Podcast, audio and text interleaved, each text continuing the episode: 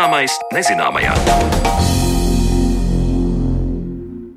Esiet sveicināti redzējumu zināmais nezināmajā, un es Sandra Kropa kopā ar jums šajā laikā, lai pievērstos šoreiz smaržām un smakām un tam, kā tehnoloģijas var ļaut tām izsakot. Redzījuma otrajā daļā lūkosim, kas ir elektroniskais deguns, kā tas darbojas un kā to izmanto smaku kontrolēšanā, ar ko mākslīgais deguns atšķiras no cilvēka deguna un kāpēc smaku kontrole ir būtiska, runāsim jau pavisam drīz mūsu attālinātajā studijā. Taču pirms iepazīsim mākslīgos degunus, ielūkosimies dzīvnieku pasaulē un noskaidrosim, kā dzīvnieki sajūt pasauli ar degunu. Oža ir viens no svarīgākajiem maņas avotiem vairumam dzīvnieku. Turpretim cilvēks sacensībā par jūtīgāko degunu noteikti nobāla dzīvnieku priekšā. Cilvēkam degunā ir aptuveni 5 miljoni ožas receptoru. Suņiem to ir ap 300 miljoniem. Savukārt lāčiem oža ir 5 reizes labāka nekā suņiem. Par to, ko un kā sauž dzīvnieki un kas dzīvniekiem ir smarža un kas smaka, turpmākajās minūtēs klausieties Zanes Lāces Baltalksnes veidotajā sižetā. Liela daļa dzīvnieku izmanto feromonus. Tās ir bioloģiski aktīvas vielas, kuras izdala kāds indivīds un uz kurām reaģē attiecīgās sugas pārstāvji. Feromonu izdale sniedz informāciju par konkrētu īpatni un dod signālu, ka tas ir nobriedis pāroties. Augstāk attīstītie primāti, piemēram, gorils un šimpanzes, un arī mēs, cilvēki, šos feromonus neustveram, un evolūcijas sacensībās esam labāki ar savu krāsu redzi, kādas, piemēram, nav suņiem un kaķiem. Savukārt ožas ziņā esam krietni atpalikuši no kukaiņiem, suņiem, zivīm, čūskām. Tā saka Latvijas Lauksaimniecības Universitātes veterināra medicīnas fakultātes dekāns profesors Kaspars Kovaļenko. Ar viņu attālināti ierakstītā sarunā uzzināsim, cik lielā mērā un kam ir labi attīstīti ožas orgāni un kāpēc cilvēku un dzīvnieku pasaulē atšķiras viedoklis par to, kas ir smaka un kas aromāts. Ožs savā būtībā ir revolucionējis jau ļoti sen.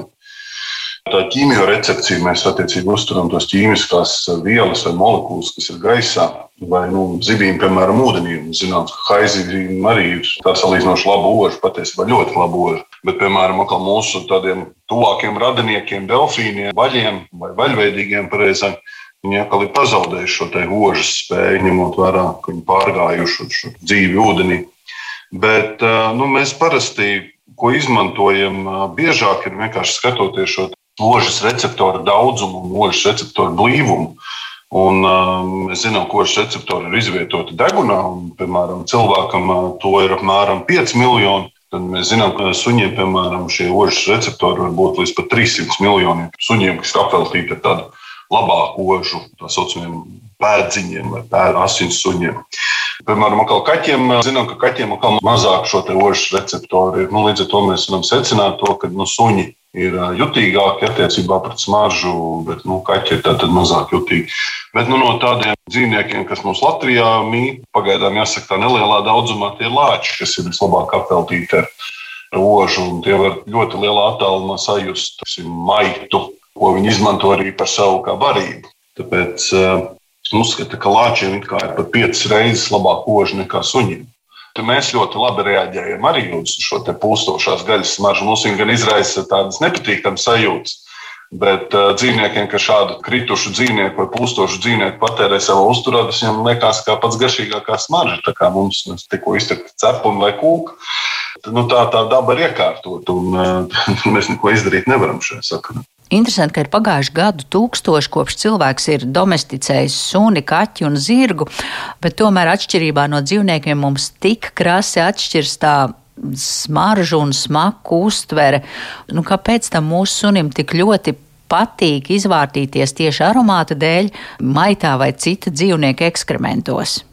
Nu, vispār jau par dzīvniekiem skatām, par gaļādājiem. Gaļādājiem vispatīkamākā smarža, vai, nu, principā pēc būtības, nu, kā arī viņi evolucionāri tam paredzēti, viņiem šī gaļas smarža, medījuma smarža, tā viņiem liekas ļoti pievilcīga. Bet vispār, man suņiem, pievilcīgi liekas arī vaniļas smarža, arī kokosas smarža viņiem liekas nu, patīkama un pievilcīga. Suņiem ļoti patīk arī nu, jāsaka, citu suņu, tīpaši pretējā dzimuma smarža, jo dzīvniekiem, atšķirībā no nu, teiksim, pārējiem dzīvniekiem, atšķirībā no cilvēkiem, ir šī spēja sajust arī feromonus. Ir tāds vomeru nazālais kanāls un vomeru nazālais aparāts, kas atrodas šajā te, um, reģionā starp muti, cietām augstlējām un degunu. Un, attiecīgi, varat, esat redzējuši, ka zirgi, piemēram, vai govis atliec augšlūpu un uh, tā kā mēdās liekas. Tā ir patiesībā šo dzīvnieku mērķis viņiem šajā te, nu, jāsaka, mēdīšanās uh, epizodē ir ievilkt gaisu caur šo vomeru nazālo kanālu, lai šis vomeronazālais eh, aparāts var sajust smaržu un īpaši šos feromonus sajūt šajā aparātā. Eh, cilvēkiem šis kanāls dažiem ir saglabājies, bet viņš ir tāds arhaisks, mūsu evolūcijas palieka. Bet mēs, nu, diemžēl, šos feromonus, pretējā dzimuma feromonus nespējam sajust. Bet, nu, jā, zirgiem, suņiem, kaķiem šādas spējas ir, un viņi nu, arī to diezgan labi izmanto. Un arī citas smaržas īstenībā uztver šis vomeronazālais aparāts. Tas tāds interesants, tāda evolūcionāra lieta, ko mēs esam pazaudējuši. Bet, piemēram, kaķiem atkal, kas ir interesanti, kas viņiem tāds, nu, varbūt ļoti patīkams smarža ir šie, te, nu, varbūt ir dzirdējuši par baldriāņiem vai kaķu mētra.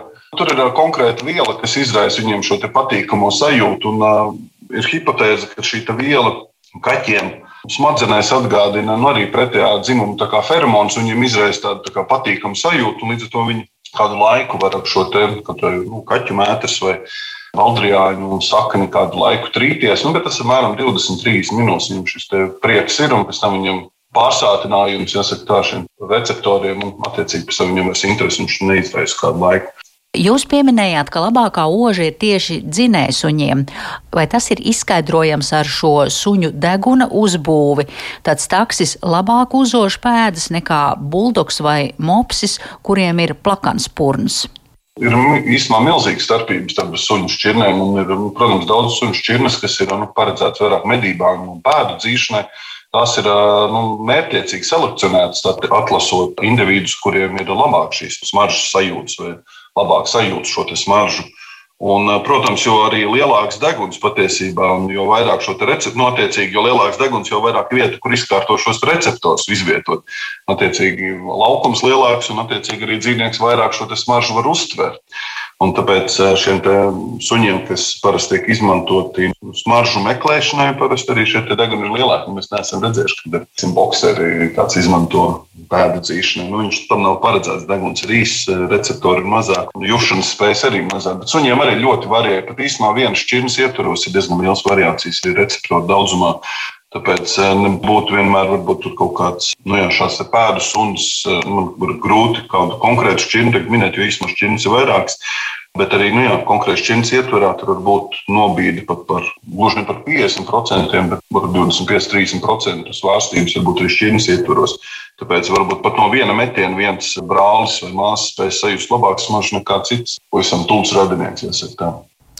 Ir dzirdēts tāds apgalvojums, jo inteliģentāks suns, jo tas spēj labāk saost un atšķirt dažādu smaržu nianses. Caur sevi, caur cilvēkiem, jo varam arī šo faktu pētīt un skatīties. Piemēram, ir cilvēki, kuriem ļoti nu, labas ožas spējas ir, un uh, viņi arī spēj niansēt, galvā saprast un analizēt šīs smaržas plūsmu, kas nāk no noteikti kādas, nu, no kādām komponentēm šī smarža sastāv. Arī suņiem īstenībā Viņus var uztrenēt, tad, tad viņi var sajust vai spēt izšķirt konkrētu smaržu, tātad, ko mēs no viņiem gribam, lai viņi sajūtu. Bet, protams, tur tas fiziskais un fizioloģiskais raksturlielums, kas ir šo receptoru daudzums degunā, nu, tas tomēr ir noteicošais. Ja sunim ir sliktoši, nu, mēs viņu, lai kā mēs viņu trenētu, viņš nepaliks labāk jūtošs cik ir, kā saka, dabas dots, tik arī ir. Bet tāpēc jau arī nu, jā, izvēlās šķirnes, kurām ir šo receptoru vairāk kur arī labāk spēja niansētāk sajust šīs smaržas. Bet tur jau nu, arī interesanti, piemēram, to pašu smaržu daudzumu gaisā, kas ir nu, mums tur vajadzīgs eh, nu, diezgan liels eh, šo gaistošo eh, aromātisko vielu daudzums gaisā, lai mēs viņu sajustu. Bet savukārt, teiksim, tādam lācim vai viņam pietiek atsevišķas molekulas ar teiksim, pusminūtes starpu, nonāk viņam receptorā, viņš jau saprot apmēram kurā virzienā jāvirzās. Nu, attiecīgi, kur šo molekulu paliek ar vien vairāk un vairāk, tad viņš saprot virzienu, no kurienes šī smarža nākus. Vai varat paskaidrot, kā tas nākas, ka dzīvniekiem nepatīk tie aromāti, kas mums cilvēkiem šķiet ļoti patīkami? Piemēram, kafija, apelsīni vai sintēzēti parfīmi. Nu jā, citrus vispār gan kaķiem, gan suņiem citrus liekas kaut kas nebaudāms. Galvenokārt tāpēc, ka ļoti spēcīgi šīs gaistošās aromātiskās vielas citrusos, pārāk daudz viņas tāpat arī smaržām un dezodorantiem. Nu, suņiem tas viss principā pārsātina šos receptorus, un rezultātā viņam ir nu, traucējoši. Nu, tas kā mums būtu ļoti, ļoti spēcīga smarža. Nu, nu, kaut kā tā paša pūstošās gaļas smarža mums liekas ļoti nepieņemama un nesaprotama. Bet sunim tas liekas pilnīgi normāls. Viņam kā šanēl ir, un viņš viņā izvērtās. Tas noslēdz viņa smaržu, un priekš citu suņu varbūt viņš smaržos daudz patīkamāk nekā, nekā pirms, pirms viņš ir izvērties. Saimniekam, protams, pretēji. Bet te jau runa ir par daudzumu, jo ja mēs paši sasmaržojamies ar mūsu iecienītākajām smaržām, bet ja tās ir par daudz, eh, tad tas aromāts ir nomācošs. Jā, atsevišķos gadījumos ir smaržas daudzums, protams, kas nosaka to pārkaitinājumu. Bet bieži vien ir arī nu, tam pašam citrusam, ir tas, ka vienkārši tas citrus tik spēcīgi piesaistās pie receptoriem, kas viņam traucē dzīvot. Jāsaka. Un sakiet, ja mēs skatāmies putnu pasaulē, kā tur ir ar šīm ošanas spējām? Principā putni lielākoties ir pazaudējuši spēju uztvert smaržu, cik es eh, par putniem zinu. Galvenokārt tāpēc, ka ir attīstījies krāpes, un to ožu receptori ir stipri mazāk. Bet ir, protams, putni, kuri ir diezgan labi uztver smaržu, piemēram, tie paši maitas putni. Nu, un ir vēl, virkne arī citu putnu sugu, kas nu, salīdzinoši labi uztver smaržu, bet nu, tas ir specifisks smaržas parasti. Nu, konkrēti tad arī saistībā ar, ar savu varību primāro. Tad tā smarža viņa uztver, bet tas plašāks smaržas un tā dožas spektrs viņiem īsti nepiemīt. Ja skatāmies par deguna garumu, tad, kā jau dzirdējām, suņu piemērā, jo tas ir garāks, jo labāk ir spēja uztvert aromātus. Un tāpēc arī ziloņi ir ierindoti pasaules labāko ošņātāju sarakstā. Āfrikas ziloņi var atpazīt 30 dažādus bara locekļus pēc viņu izdalītā urīna. Un Kaspars Kovaļenko turpina vēl par citiem savvaļas dzīvniekiem, kuri ir apveltīti ar labu ožu. Čūskām ir arī ļoti laba oža, un viņas arī izmanto šo bombuļu nazālo aparātu, lai pasauli tvērtu galvenokārt caur savu muti un noscītu nedaudz ar degunu. Bet, principā, jā, tā oža jau ir, nu, kā mēs zinām, piemēram, tās pašas haizivs, ja mēs skatāmies evolucionārajā kokā, viņas ir stipri senas un senākas par zivīm. Tad, um, ja mēs saprotam, ka tā oža ir bijusi īstenībā jau evolucionāri ļoti sen, tad ir daudz dzīvnieku sugas, kurām šīs oža ir bijusi nepieciešama, lai viņas varētu orientēties vidē un izdzīvot. Un daudzām sugām vienkārši tā īsti nekāda funkcija nepilna. Līdz ar to šī oža ar, laiku ir pazeminājusi, nu, vai funkcija vai nozīmība ir šajās dzīvnieku sugās pazeminājusies. Līdz ar to, nu, kā jūs minējāt, dažas, piemēram, putnu sugas ir spējīgas uztvert, bet lielākā daļa putnu sugu tomēr uh, ožu neizmanto savai uztverei, izmanto redzi, piemēram. Piemēram, arī dzīvniekiem, kuriem ir, pieņemsim, traucēta redze vai, nu, principā akliem dzīvniekiem, viņiem bieži vien viņi diezgan labi spēja arī vidē orientēties, izmantojot ožu. Jo ožai ir raksturīgs tas, ka viņai ir kaut kāda virziena, var noteikt jau pēc molekulu daudzuma pēc ožas intensitātes, attiecīgi, lai saprastu, kurā virzienā atrodas saimnieks vai kurā virzienā atrodas ēdiens.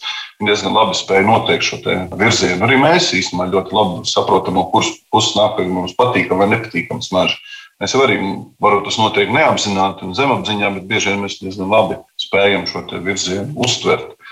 Par citiem dzīvniekiem runājot, par tiem pašiem kukaiņiem, arī kukaiņiem ir spēja uztvert smaržu. Daudziem kukaiņiem, jāsaka, tā, piemēram, tos pašus kodas. Mēs zinām, izmantojam šīs kožu lamatas, kuras satur feromonus, un, attiecīgi, kožu dēviņiem tas parasti izraisa ļoti lielu interesi.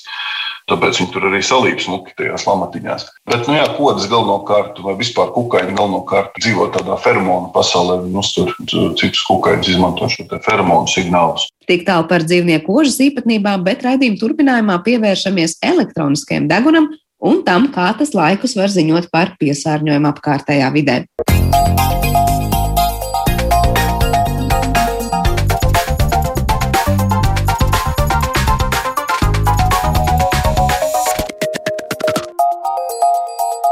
Zināmais nezināmajā. Tehnoloģijas ļauj veikt dažādas funkcijas ātrāk, efektīvāk un precīzāk, un dažkārt šīs funkcijas ir ne tikai tādas, kas var aizstāt cilvēku roku darbu, bet pat maņas.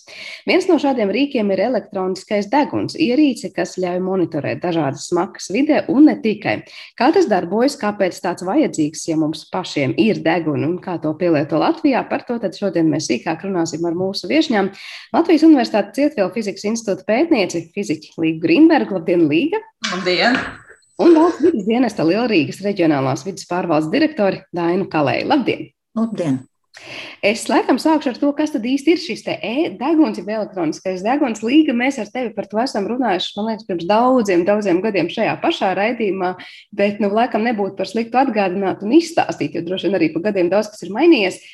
Pamat, pamats, kas ir e-deguns un kā tas īsti darbojas? Nu, īsos vārdos elektroniskais deguns ir nu, tieši tas pats, kas cilvēka deguns, jo funkcija ir tāda pati. Savākt, ieelpot gaisu un saprast, pēc kā tas ož. Ja mums degunā ir ožas receptori, un, kas tātad uztver šīs smaržas un raida signālus smadzenēm, un smadzenes tas saliek bildīt kopā, plus pieliekot kādu emociju klāt, jo šajā gadījumā, teiksim, ja mums vienmēr asociēsies Ziemassvētki ar mandarīnu un kanēļu smaržu, tad mēs saložot šīs smaržas atcerēsimies Ziemassvētkus, bet varbūt citiem šīs mandarīnu un kanēļu smaržu asociējas ar kaut ko nepārāk patīkamu, un tās viņa emocijas būs pilnīgi kaut kas cits. Savukārt elektroniskais deguns ir ļoti līdzīgi, tikai ožas receptoru vietā darbojas dažādi veidi sensori. Nu, tad šie sensori uh, pilnīgi objektīvi, bez jebkādām emocijām, mēra kaut kādas fizikālās izmaiņas. Vai tā būtu pretestība, vai tas būtu sprieguma izmaiņa, vai tā būtu izmaiņa frekvencē. Un tad, attiecīgi, ja cilvēkam darbojas smadzenes, tad elektroniskam degunam ir, mm, piemēram, mākslīgo neironu tīkls, kas analizē, ko tad kādu ķīmisko vielu viņš ir savodis. Ja smaržas cilvēks mācās, iemācās, un uh, 2004. gadā ir uh, Nobela prēmija piešķirta par šīm te uh, izpratni, kā darbojas uh, cilvēka mūža, tad elektronisko degunu, protams, apmācām mēs. Un elektroniskais deguns ir tā, ka tātad kādu datu bāzi mēs viņam būsim iemācījuši, devuši, tā viņš arī varēs mums palīdzēt. Jo, jo, un, teiksim, arī cilvēkam ir tad, kad piemetas iesnas vai kā tā ožas sajūta mainās arī elektroniskajiem deguniem var piemesties iesnesums atkarīgs no tā sensora. Piemēram, daži ir eh, jutīgi pret sēru savienojumiem. Eh, viņi drusku arī piekūst, un laika gaitā kāds sabojājis, viņš ir jānomaina. Un tad, attiecīgi, šeit sākas tās, teiksim, nu, ja cilvēks, cilvēkam beidzas iesnas un viņam kanēlis smaržo pēc kanēļa, eh, tad reizēm, ja sensors ir nu, sabojājies, viņš ir jānomaina, tad Problēma sākas ar to, ka vajag to datu bāzi arī drusku apskatīties, vai viņu nevajag pamainīt. Jo, jo katra šī tehniskā lieta var dot nelielu uh, signālu izmaiņu. Uh, ja mums ir vajadzīgs, teiksim, lielām lietām, kā dūmu detektoriem, piemēram, kas īstenībā nav elektroniskais deguns, jo tur jau ir tikai priekš viens gāzes, uh, bet deguns ir domāts no daudzām gāzēm, no vairāk pielietojumiem. Uh, Nu, tad, attiecīgi, mums atkal vajag apmācīt elektronisko degunu. Mainām sensoru, drusku apmācām, apskatāmies, vai viņš sauž to pašu, kas ir iepriekš. Nu tā, bet visā visumā, kāpēc mums ir vajadzīgs elektroniskais deguns? Tieši tāpēc, lai pasaudzētu mūsu degunu. Jo ja ļoti, ļoti sen atpakaļ uz ogļu raktuvēm ņēmu līdzi kanāriju putniņus, tāpēc, ka viņi tā teikt, pirmie nu, noģība saužot metānu gāzi tad strādnieki zināja, ka ir jāiet ārā un teikt, šeit drīz būs. Nu, nebūs ar ko elpot, vai varētu būt kāds sprādziens, tad, attiecīgi, arī šobrīd ir tā, ka mums ir nepieciešami šie elektroniskie deguni. Pirmkārt, lai salostu dažādas, nu, teiksim, kaitīgās smaržas, vai, piemēram, uzraudzībā, kvalitātes kontrolē. Nu, jebkur, kur smaržai ir nozīme un, teiksim, ir nepieciešams tāds darbinieks, kas nepiekļūst, kuram nepiemet ciestas, kurš var strādāt 24 stundas dienā, nu, tad tas ir elektroniskais deguns. Nu, un, protams, šobrīd viena no tādām jomām, kur viņi ļoti izmanto, ir uh, vidas nu, uzraudzība. Uh, dažādu gāzu izmešu, teiksim, kaut kur smirdu un jautājums, nu, vai tas ir tā neilgu laiku brīdi, tāpēc, ka vējš ir pagriezies, vai tāpēc, ka notiek kaut kāda izkraušanas darbi ostās, un tad tur diezgan pastāvīgi smirda. Protams, ka cilvēki nu, sākuši kļūt tādi Viņi ievēros, nu, kā rūpējas par savu veselību, par vidi, viņi uztraucas. Tas ir ļoti forši, ka ir tādas iekārtas, nu, kas palīdz monitorēt un pateikt, nu, uzraudzīt un pateikt. Jā, paldies, Līga, par tādu ļoti visaptverošu stāstījumu. Es droši vien gribētu vēl papildus pajautāt par dažām tehniskām lietām, ko es ceru, ka šajā raidījuma pusstundā vēl paspēšu izdarīt, bet noteikti gribu šajā brīdī Dainai vaicāt par to pielietojumu ar, ar vidi saistītos jautājumos, cik daudz un kuros brīžos un situācijās Latvijā mums lieto ēdeguns, lai noteiktu smakas un to, nu, nezinu, līmeņus, avotus Latvijas vidē. Jā, šobrīd Latvijā arī tiek pielietota ēdeguni. Un, pieņemsim, Vēnspilī ir uzstādīta 11. deguna un Rīgas reģionā tādā, ja mēs skatāmies Rīgu un Pierīgu, tad ir uzstādīta 4. deguni. Un pārsvarā e-deguns uzstāda tieši tā kā arī Līga teica, naftas produktu termināļos. Un vēl ir uzstādīta e-deguni lielā poligonā getliņi, jo mēs esam saņēmuši bieži sūdzības tieši par poligonu darbību. Uh, ko izraisa šīs gāzes, kas veidojas no atkritumiem, tātad sadaloties, un arī Rīgas ūdens dūņu laukos Vārnu krogā, jo mēs bieži saņēmām tieši sūdzības par traucējošām smakām, tieši no šīs krātuves, kur tiek uzglabātas dūņas, un tur arī mēs uzdevām par pienākumu uzstādīt šos ēdegunus. Jāsaka, šie e-deguni ļoti labi palīdz pašam uzņēmumam kontrolēt savu darbību jau ātrākā laika vienībā, pamainot kaut kādus savus tehnoloģiskos procesus, pastiprinot, pieņemsim, smidzināšanu uz dūņu krātuvi, lai samazinātu šīs traucējošās smagas. Tas ir tāds preventīvs mehānisms, rīks, ko arī pats uzņēmums var izmantot savā darbībā. Tādējādi arī ātrāk var nokontrolēt iespējamos traucējošos izraisītājus. Un tas arī, protams, samazina šos izbraukumus Un visi šie e-deguni ir nodrošināti tā, ka arī ir valsts vidas dienestam piekļuvi tiešajiem datiem, un viņi ir arī sasaistīti ar meteostaciju datiem, lai arī uzreiz varētu analizēt, kura būs tā nu, ietekmē, ietekmētā teritorija ātrāk, nu, tādā veidā. Bet es pareizi saprotu, šajā e-deguna kontekstā, tad, tad, tad, kad tos var pielietot, tad tie darbojas, nu, var teikt, 24-7 režīmā. Ja, ja tie ir kaut kur novietoti, tad mums nav jādomā, ka tur ir reāli cilvēkam jābūt izbraukumā klāt, kas nav iespējams. Bet kā ar to aspektu, ka, piemēram, ierodas cilvēks, viņš jau mēra pēc tās savas sajūtas. Man liekas, ka ir spēcīga smaka vai nav spēcīga smaka, vai ne? Un e-degunam būs kaut kāda, nu, es nezinu, kā, kā Līga teica, neemocionāla un ļoti vienkārši nezinu, fiksējuma robežu, kurā pateiks, šī smaka pārsniedz tādu un tādu pieļaujamo robežu. Es vienkārši iedomājos, cik ļoti subjektīvs var būt tas cilvēka deguns šādos gadījumos. Mēs arī izmantojam šos maisus dažreiz, kur vētu šos paraugus uz laboratoriju. Bet ir tādi gadījumi, kad konkrēti tiek saukta laboratorija, tiek mērīti tieši avotā, tiek savāktas šīs nu, traucējošās smakas, Un tad laboratorijā vairāk cilvēki šo savākto paraugu osta. Un, uh, ir noteikti tā metode, kā tas ir veicams, un arī ir prasības šiem cilvēkiem, kas strādā. Uh, dienas arī pats uh, lieto nu, ofluktometru un izbrauc uz objektu un nosaka šo traucējošo smaku tieši apkārtējā vidē, tieši tajā dzīvojamā apbūvē, neņemot šo paraugu tieši no avota. Deguns tas ir atkal tāda priekšrocība, kas tiešām tiek ieregulēts uz konkrētām šīm smaku ķīmisko vielu maisījumiem, tieši raksturīgi tai konkrētai darbībai. Un, nu, viņš uzreiz tiek iekalibrēts, viņš sniedz informāciju konkrētā laika periodā, un arī tur ir iespēja jau iestādīt šos trauksmes sliekšņus, kad viņam ir jābrīdina arī šis operators, un arī mēs redzam uzreiz, ka te tūlīt var sākties risks. Tātad viņš dod tādu laicīgāku, ātrāku iespējamo rīcību, nu, rīkoties. Nevis tad, kad jau ir sasniegta šī kulminācija, un mēs ierodamies, vai kamēr mēs braucam, viņa ir izgaisusi, tad elektroniskais deguns nodrošina tās 24 stundas darbības principu, dot iespēju ātrāk norēģēt, nevis jau novēloti, kad jau vairs nekā nav.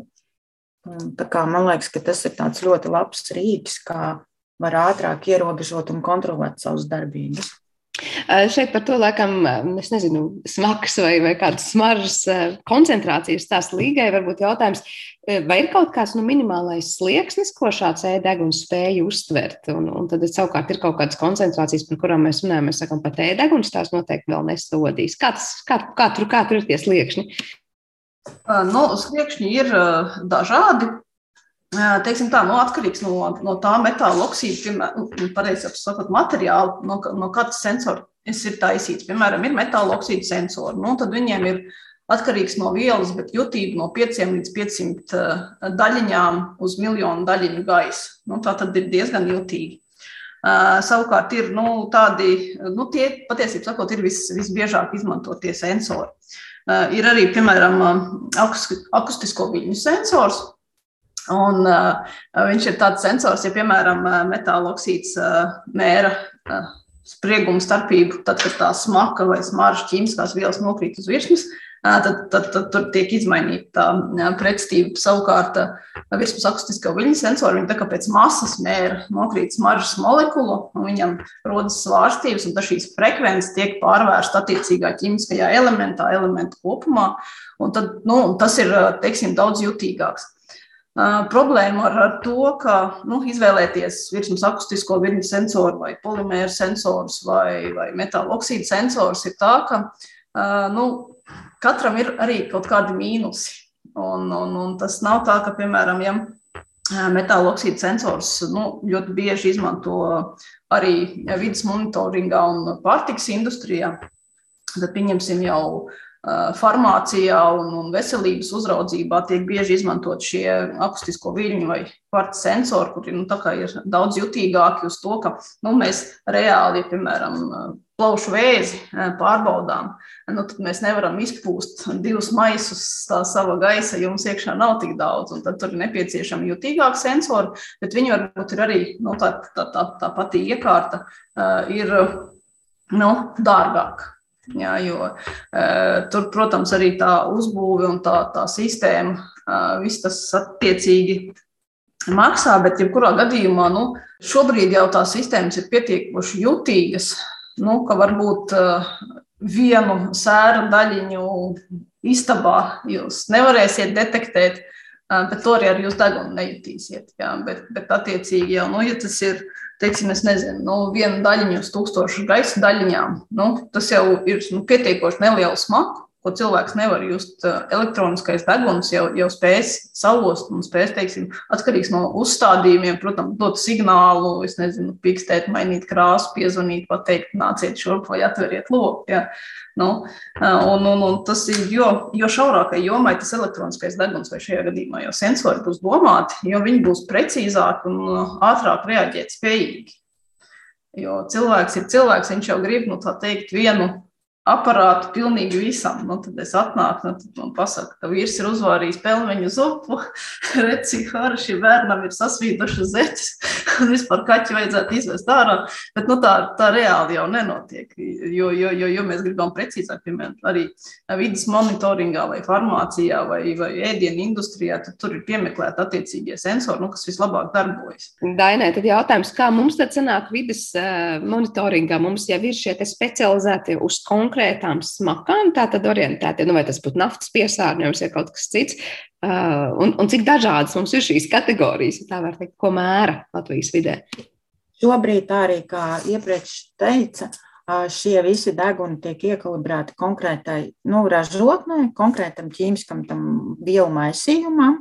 Tātad tie ir arī deguni, kas ir iekalibrēti tikai uz naftas produktiem, tad ir deguni, kas ir iekalibrēti kā uz poligonu, kur veidojās šī sērūdeņa, raduši visi šie sadalīšanās produkti.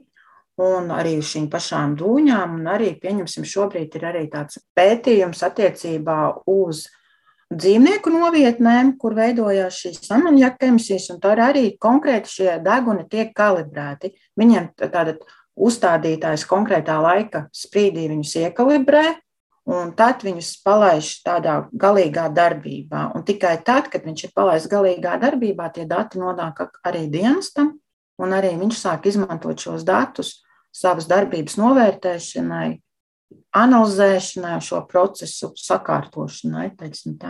Tas ir kaut kāds laika sprīdis. Vai tās jūsu nosauktās nu, jomas, sākot no dzīvo, dzīvo, dzīvnieku novietnēm līdz atkrituma poligoniem, ir arī tās vietas, par kurām iedzīvotāji sūdzas visvairāk? Jā, vai... jā tieši tā, tā arī tiek izvēlēts un arī tiek analizēts šis sūdzību skaits un šīs iespējamās ietekmes.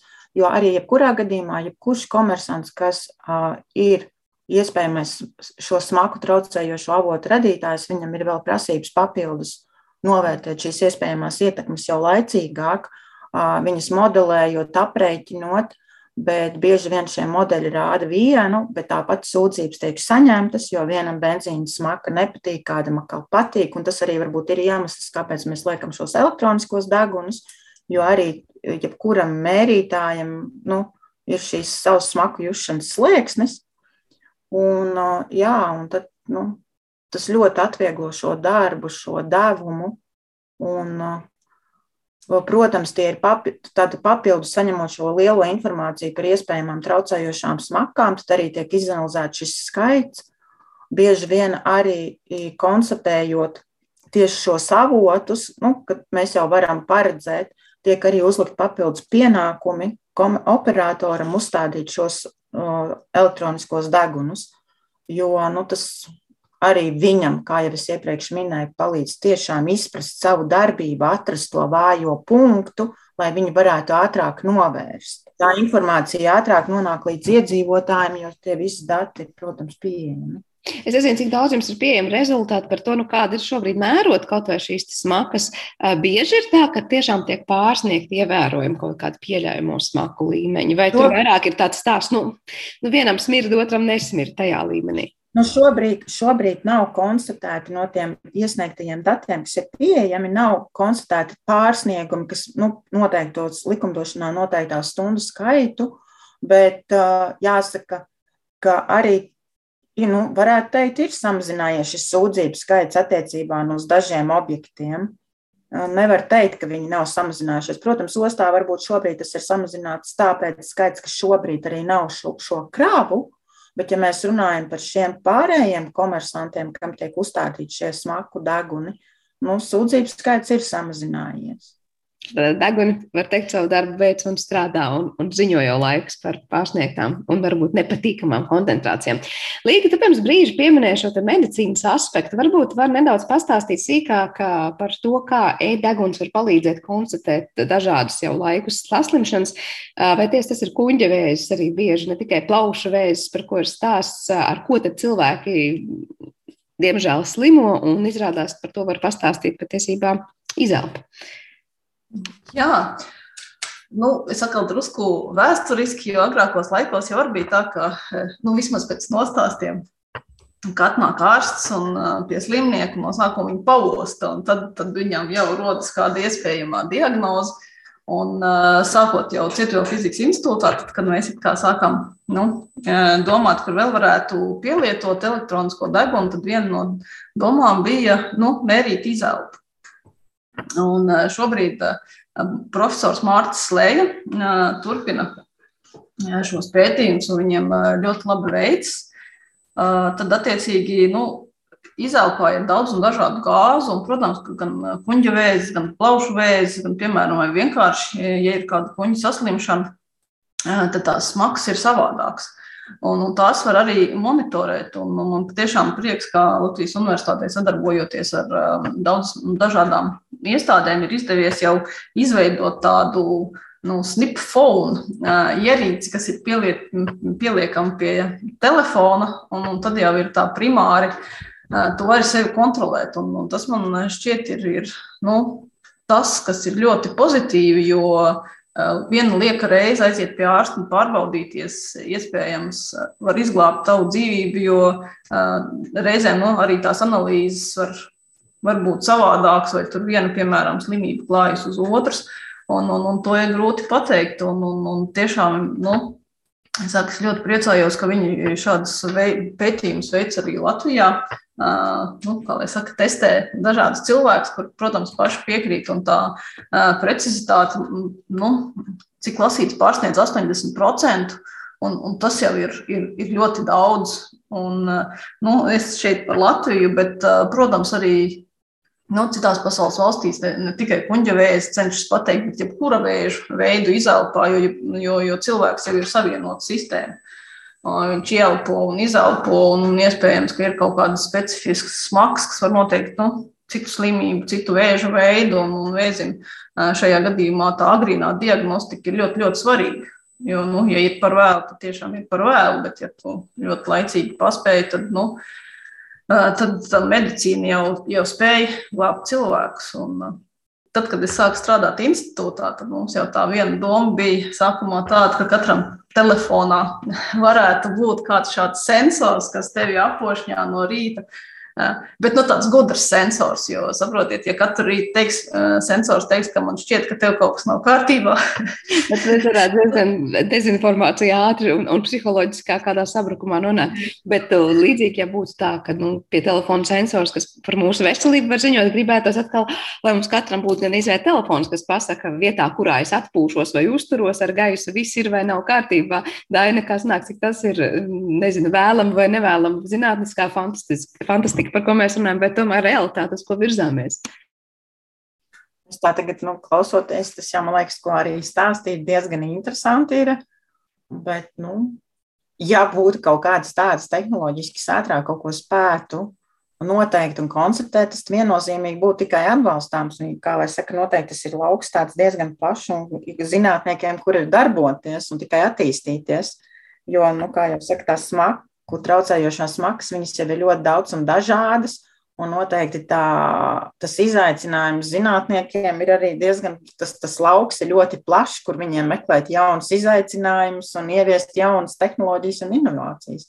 Nu, katrā ziņā es domāju, mēs reti kurš iebilstu par tehnoloģisku inovāciju. Nu, un, un, un tiešām atbilstoši mums spētu kaut vai mūsu telefonā vai kur citur ziņot par to, vai uzturamies vietā, kur gaisa kvalitāte ir laba vai slikta. Līgas varbūt viena pakāpe atpakaļ. Es zinu, tu stāstīji tagad par to, kad es sāku strādāt institūtā. Eh, tu vispār biji viena no pirmajām, man liekas, kas par ēdeguniem Latvijā sāka daudz runāt un daudz ar tiem darboties. Vai tiesa, ka ir ļoti mainījusies tā uztvere, ko ar to var darīt? Jo tu teici savu laiku, sākumā tur benzīna tankos kaut vai mēģināja lietot e-degunu, un tā attieksme no apkārtējo puses bija diezgan noraidoša. Kā ir šobrīd, vai, vai tas, kas ir e-deguns, ir daudz pieņemamāks Latvijā, un vai tā attieksme ir mainījusies? Nu, man šķiet, uz to vai daudz pieņemamāks to Daina ļoti labi pastāstīja, jo tas tiešām nu, palīdz uzņēmumiem un, un, un palīdz nu, cilvēki arī paši saprot, ka nu, ja deguns man saka, ka smird un es to spēju novērst, nu tas, tas man pašam kā uzņēmumam labāks. Vai, piemēram, pārtiks industrijā, kur var jau sākt savost, savost, ka kaut kas sāk bojāties, tu spēj nu, ātrāk reaģēt un varbūt nu, nepārdot šo, šo pārtiks produktu vai atkal izglābt vispārējo. Es nezinu, pārtiks apjomu, izmetot ārā varbūt tos banānus, kas ir sākuši bojāties. Uh, Jā, es domāju, ka šī uztvere cilvēkiem par elektroniskajiem degumiem ne tikai Latvijā, bet visur ir nu, viennozīmīgi uzlabojusies. Un, jāsaka tā, ka tā pati doma par elektronisko degunu jau ir kaut kādas 1900 sākumi, 1800 beigu gadi. Tur Alberts Bels ir teicis, nu, ja jums ir vajadzīgs izaicinājums zinātnē, nu, tad izmēriet smaku Jo nu, tas ir tāds lielums, par ko mēs vēl joprojām šobrīd nu, domājam un, un, un, un, un cenšamies nu, atklāt. Bet, jā, mēs, mēs sākām trenēt degunus. Nu, Latvijā pirmais bija 90, 1998. gads reāli elektroniskais deguns, kā nosaukums ir 1991. Jā, nu tad, tad šie elektroniskie deguni un smakas, ja varbūt teorētiski galvās bija jau senāk, tad nu, patiesībā sakot, viņi ir pēdējo 30 gadu uzvaras gājiens. Un, Man šķiet, jā, un, un, un jo vairāk cilvēkiem skaidros un stāstīs, ka nu, arī pašiem uzņēmējiem tas nav ienaidnieks, bet draugs un palīgs, jo, jo, jo labākā nu, vidē mēs dzīvosim. Un, Un arī zinātniekam teiksim, ir vieglāk atrast varbūt, risinājumu kādai konkrētai lietai, nevis no nu, vispārīgi. Man, nu, man vajag kaut ko, pats īsti nezinu, ko, bet, nu, ja tu uztaisīsi, būs forši, man derēs. Nu. Tāpēc man šķiet, ka, ka noteikti. Un arī cilvēku, nu, tas, manuprāt, izglītības un izpratnes līmenis ļoti aug. Jo, jo no sākuma, teiksim, protams, viss ir nezināms. Jauna meitenīte staigā ar kaut kādu rūcošu aparātiņu, vācot maisā gaisu gar benzīna tanku. Nu, Piedodiet, nu taču izskatās dīvaini. Nevar zināt, ko es ar to visu darīšu tālāk.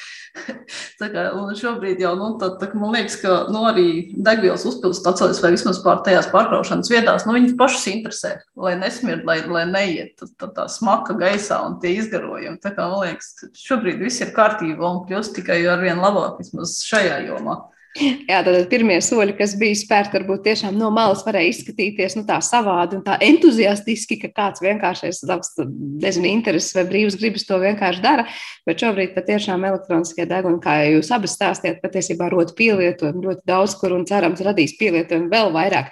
Es tikai noslēdzot sarunu, gribēju pavaicāt arī Dainai, Daina pieminēja par to laboratoriju un tiem paraugiem. Tad, tad kā sanāk, neviens nav atcēlis to, kas makas tālāk tiek analizētas reālās laboratorijās. Jā, reāli cilvēku deguniem, un cik ilgā laikā mums liekas, parasti, nu, ja tādu gaisu savāc, tad tās smagas tur īstenībā ir iespējams noteikt laboratorijā pēc tam. Laboratorijas mērījums neviens nav atcēlis, un, kā lai sacītu, jāsaka, un arī tie mērījumi tiek veikti un tiek uzdots veikt arī tieši tajā pašā emisijas avotā, kas tieši ir tas cēlonis, kas arī rada tālāk šo izplatību Un noteikti, kā lai jāsaka, arī visās laboratorijās, jebkura metode, kura uh, sniedz rezultātu, viņa ir akreditēta, viņa ir iepriekš standartizēta, un tur nebūtu pamata arī šos rezultātus apšaubīt, un tie būtu arī turpmāk arī izmantojami. Bet, protams, elektroniskais deguns ir tas, nu, tas ir tas preventīvais, pats pirmais, kas arī tev jau pašam ātrāk un laicīgāk ļauj novērst. Bet, ja mēs gribētu tiešām precīzi pateikt konkrētā emisijas avotu, nu, tad tas būtu šis mērījums tajā avotā. Pieļauju, ka arī ir elektroniskie deguni, kas ļauj noteikti neizmantot šos cilvēku degunus, un arī noteikti gan jau, ka pasaulē ir tādas tehnoloģijas, kas jau arī pašā avotā ļauj nomērīt. Un, kā es teicu, jāsaka, ka tas būtu tikai atbalstām, ka ar vien vairāk un vairāk jaunu tehnoloģiju tiktu ieviestas šī piesārņojumu visu avotu analīzē, Un arī noteikti būtu jāaicina uzņēmēji iesaistīt gan zinātniekus, gan dot, lai viņi dotu iespēju nu, attīstīt šīs tehnoloģijas, lai viņas sasniegtu augstāku ticamību un augstāku šos rezultātus un izmantošanas iespējas. Kā, manuprāt, būtu jāaicina vairāk uzņēmēji piedalīties šīs, šo tehnoloģiju ieviešanā un attīstībā un dot iespēju mēģināt eksperimentēt un atrast tos labākos risinājumus. Jā, tad palīdzēt radīt pie, pieprasījumu un savukārt pielietojums praksē parādīs atkal, kas vēl būtu degunam jāuztrenē vai ko vēl zinātniekiem būtu jauni jārada. Paldies jums abām par šo sarunu un to, ka viesāt skaidrību tajā, kas ir e-deguna un kā tie darbojas arī Latvijas vidē un kā, kā, kā ir ar to mūsu smaku monitoringu Latvijā. Atgādināšu klausītājiem, ka šajā raidījuma pusstundā bijām kopā ar Latvijas Universitātes Cietvielu fizikas institūta pētnieci, fiziķu Līgu Grīmbergu, kā arī valsts vidas dienesta Lielrīgas reģionālās vidas pārvaldes direktori Dainu Kalēju. Ar to arī raidījums ir izskanējis. Paldies visiem par klausīšanos, un mēs tiekamies jau kādā no citām reizēm. Vislabāk!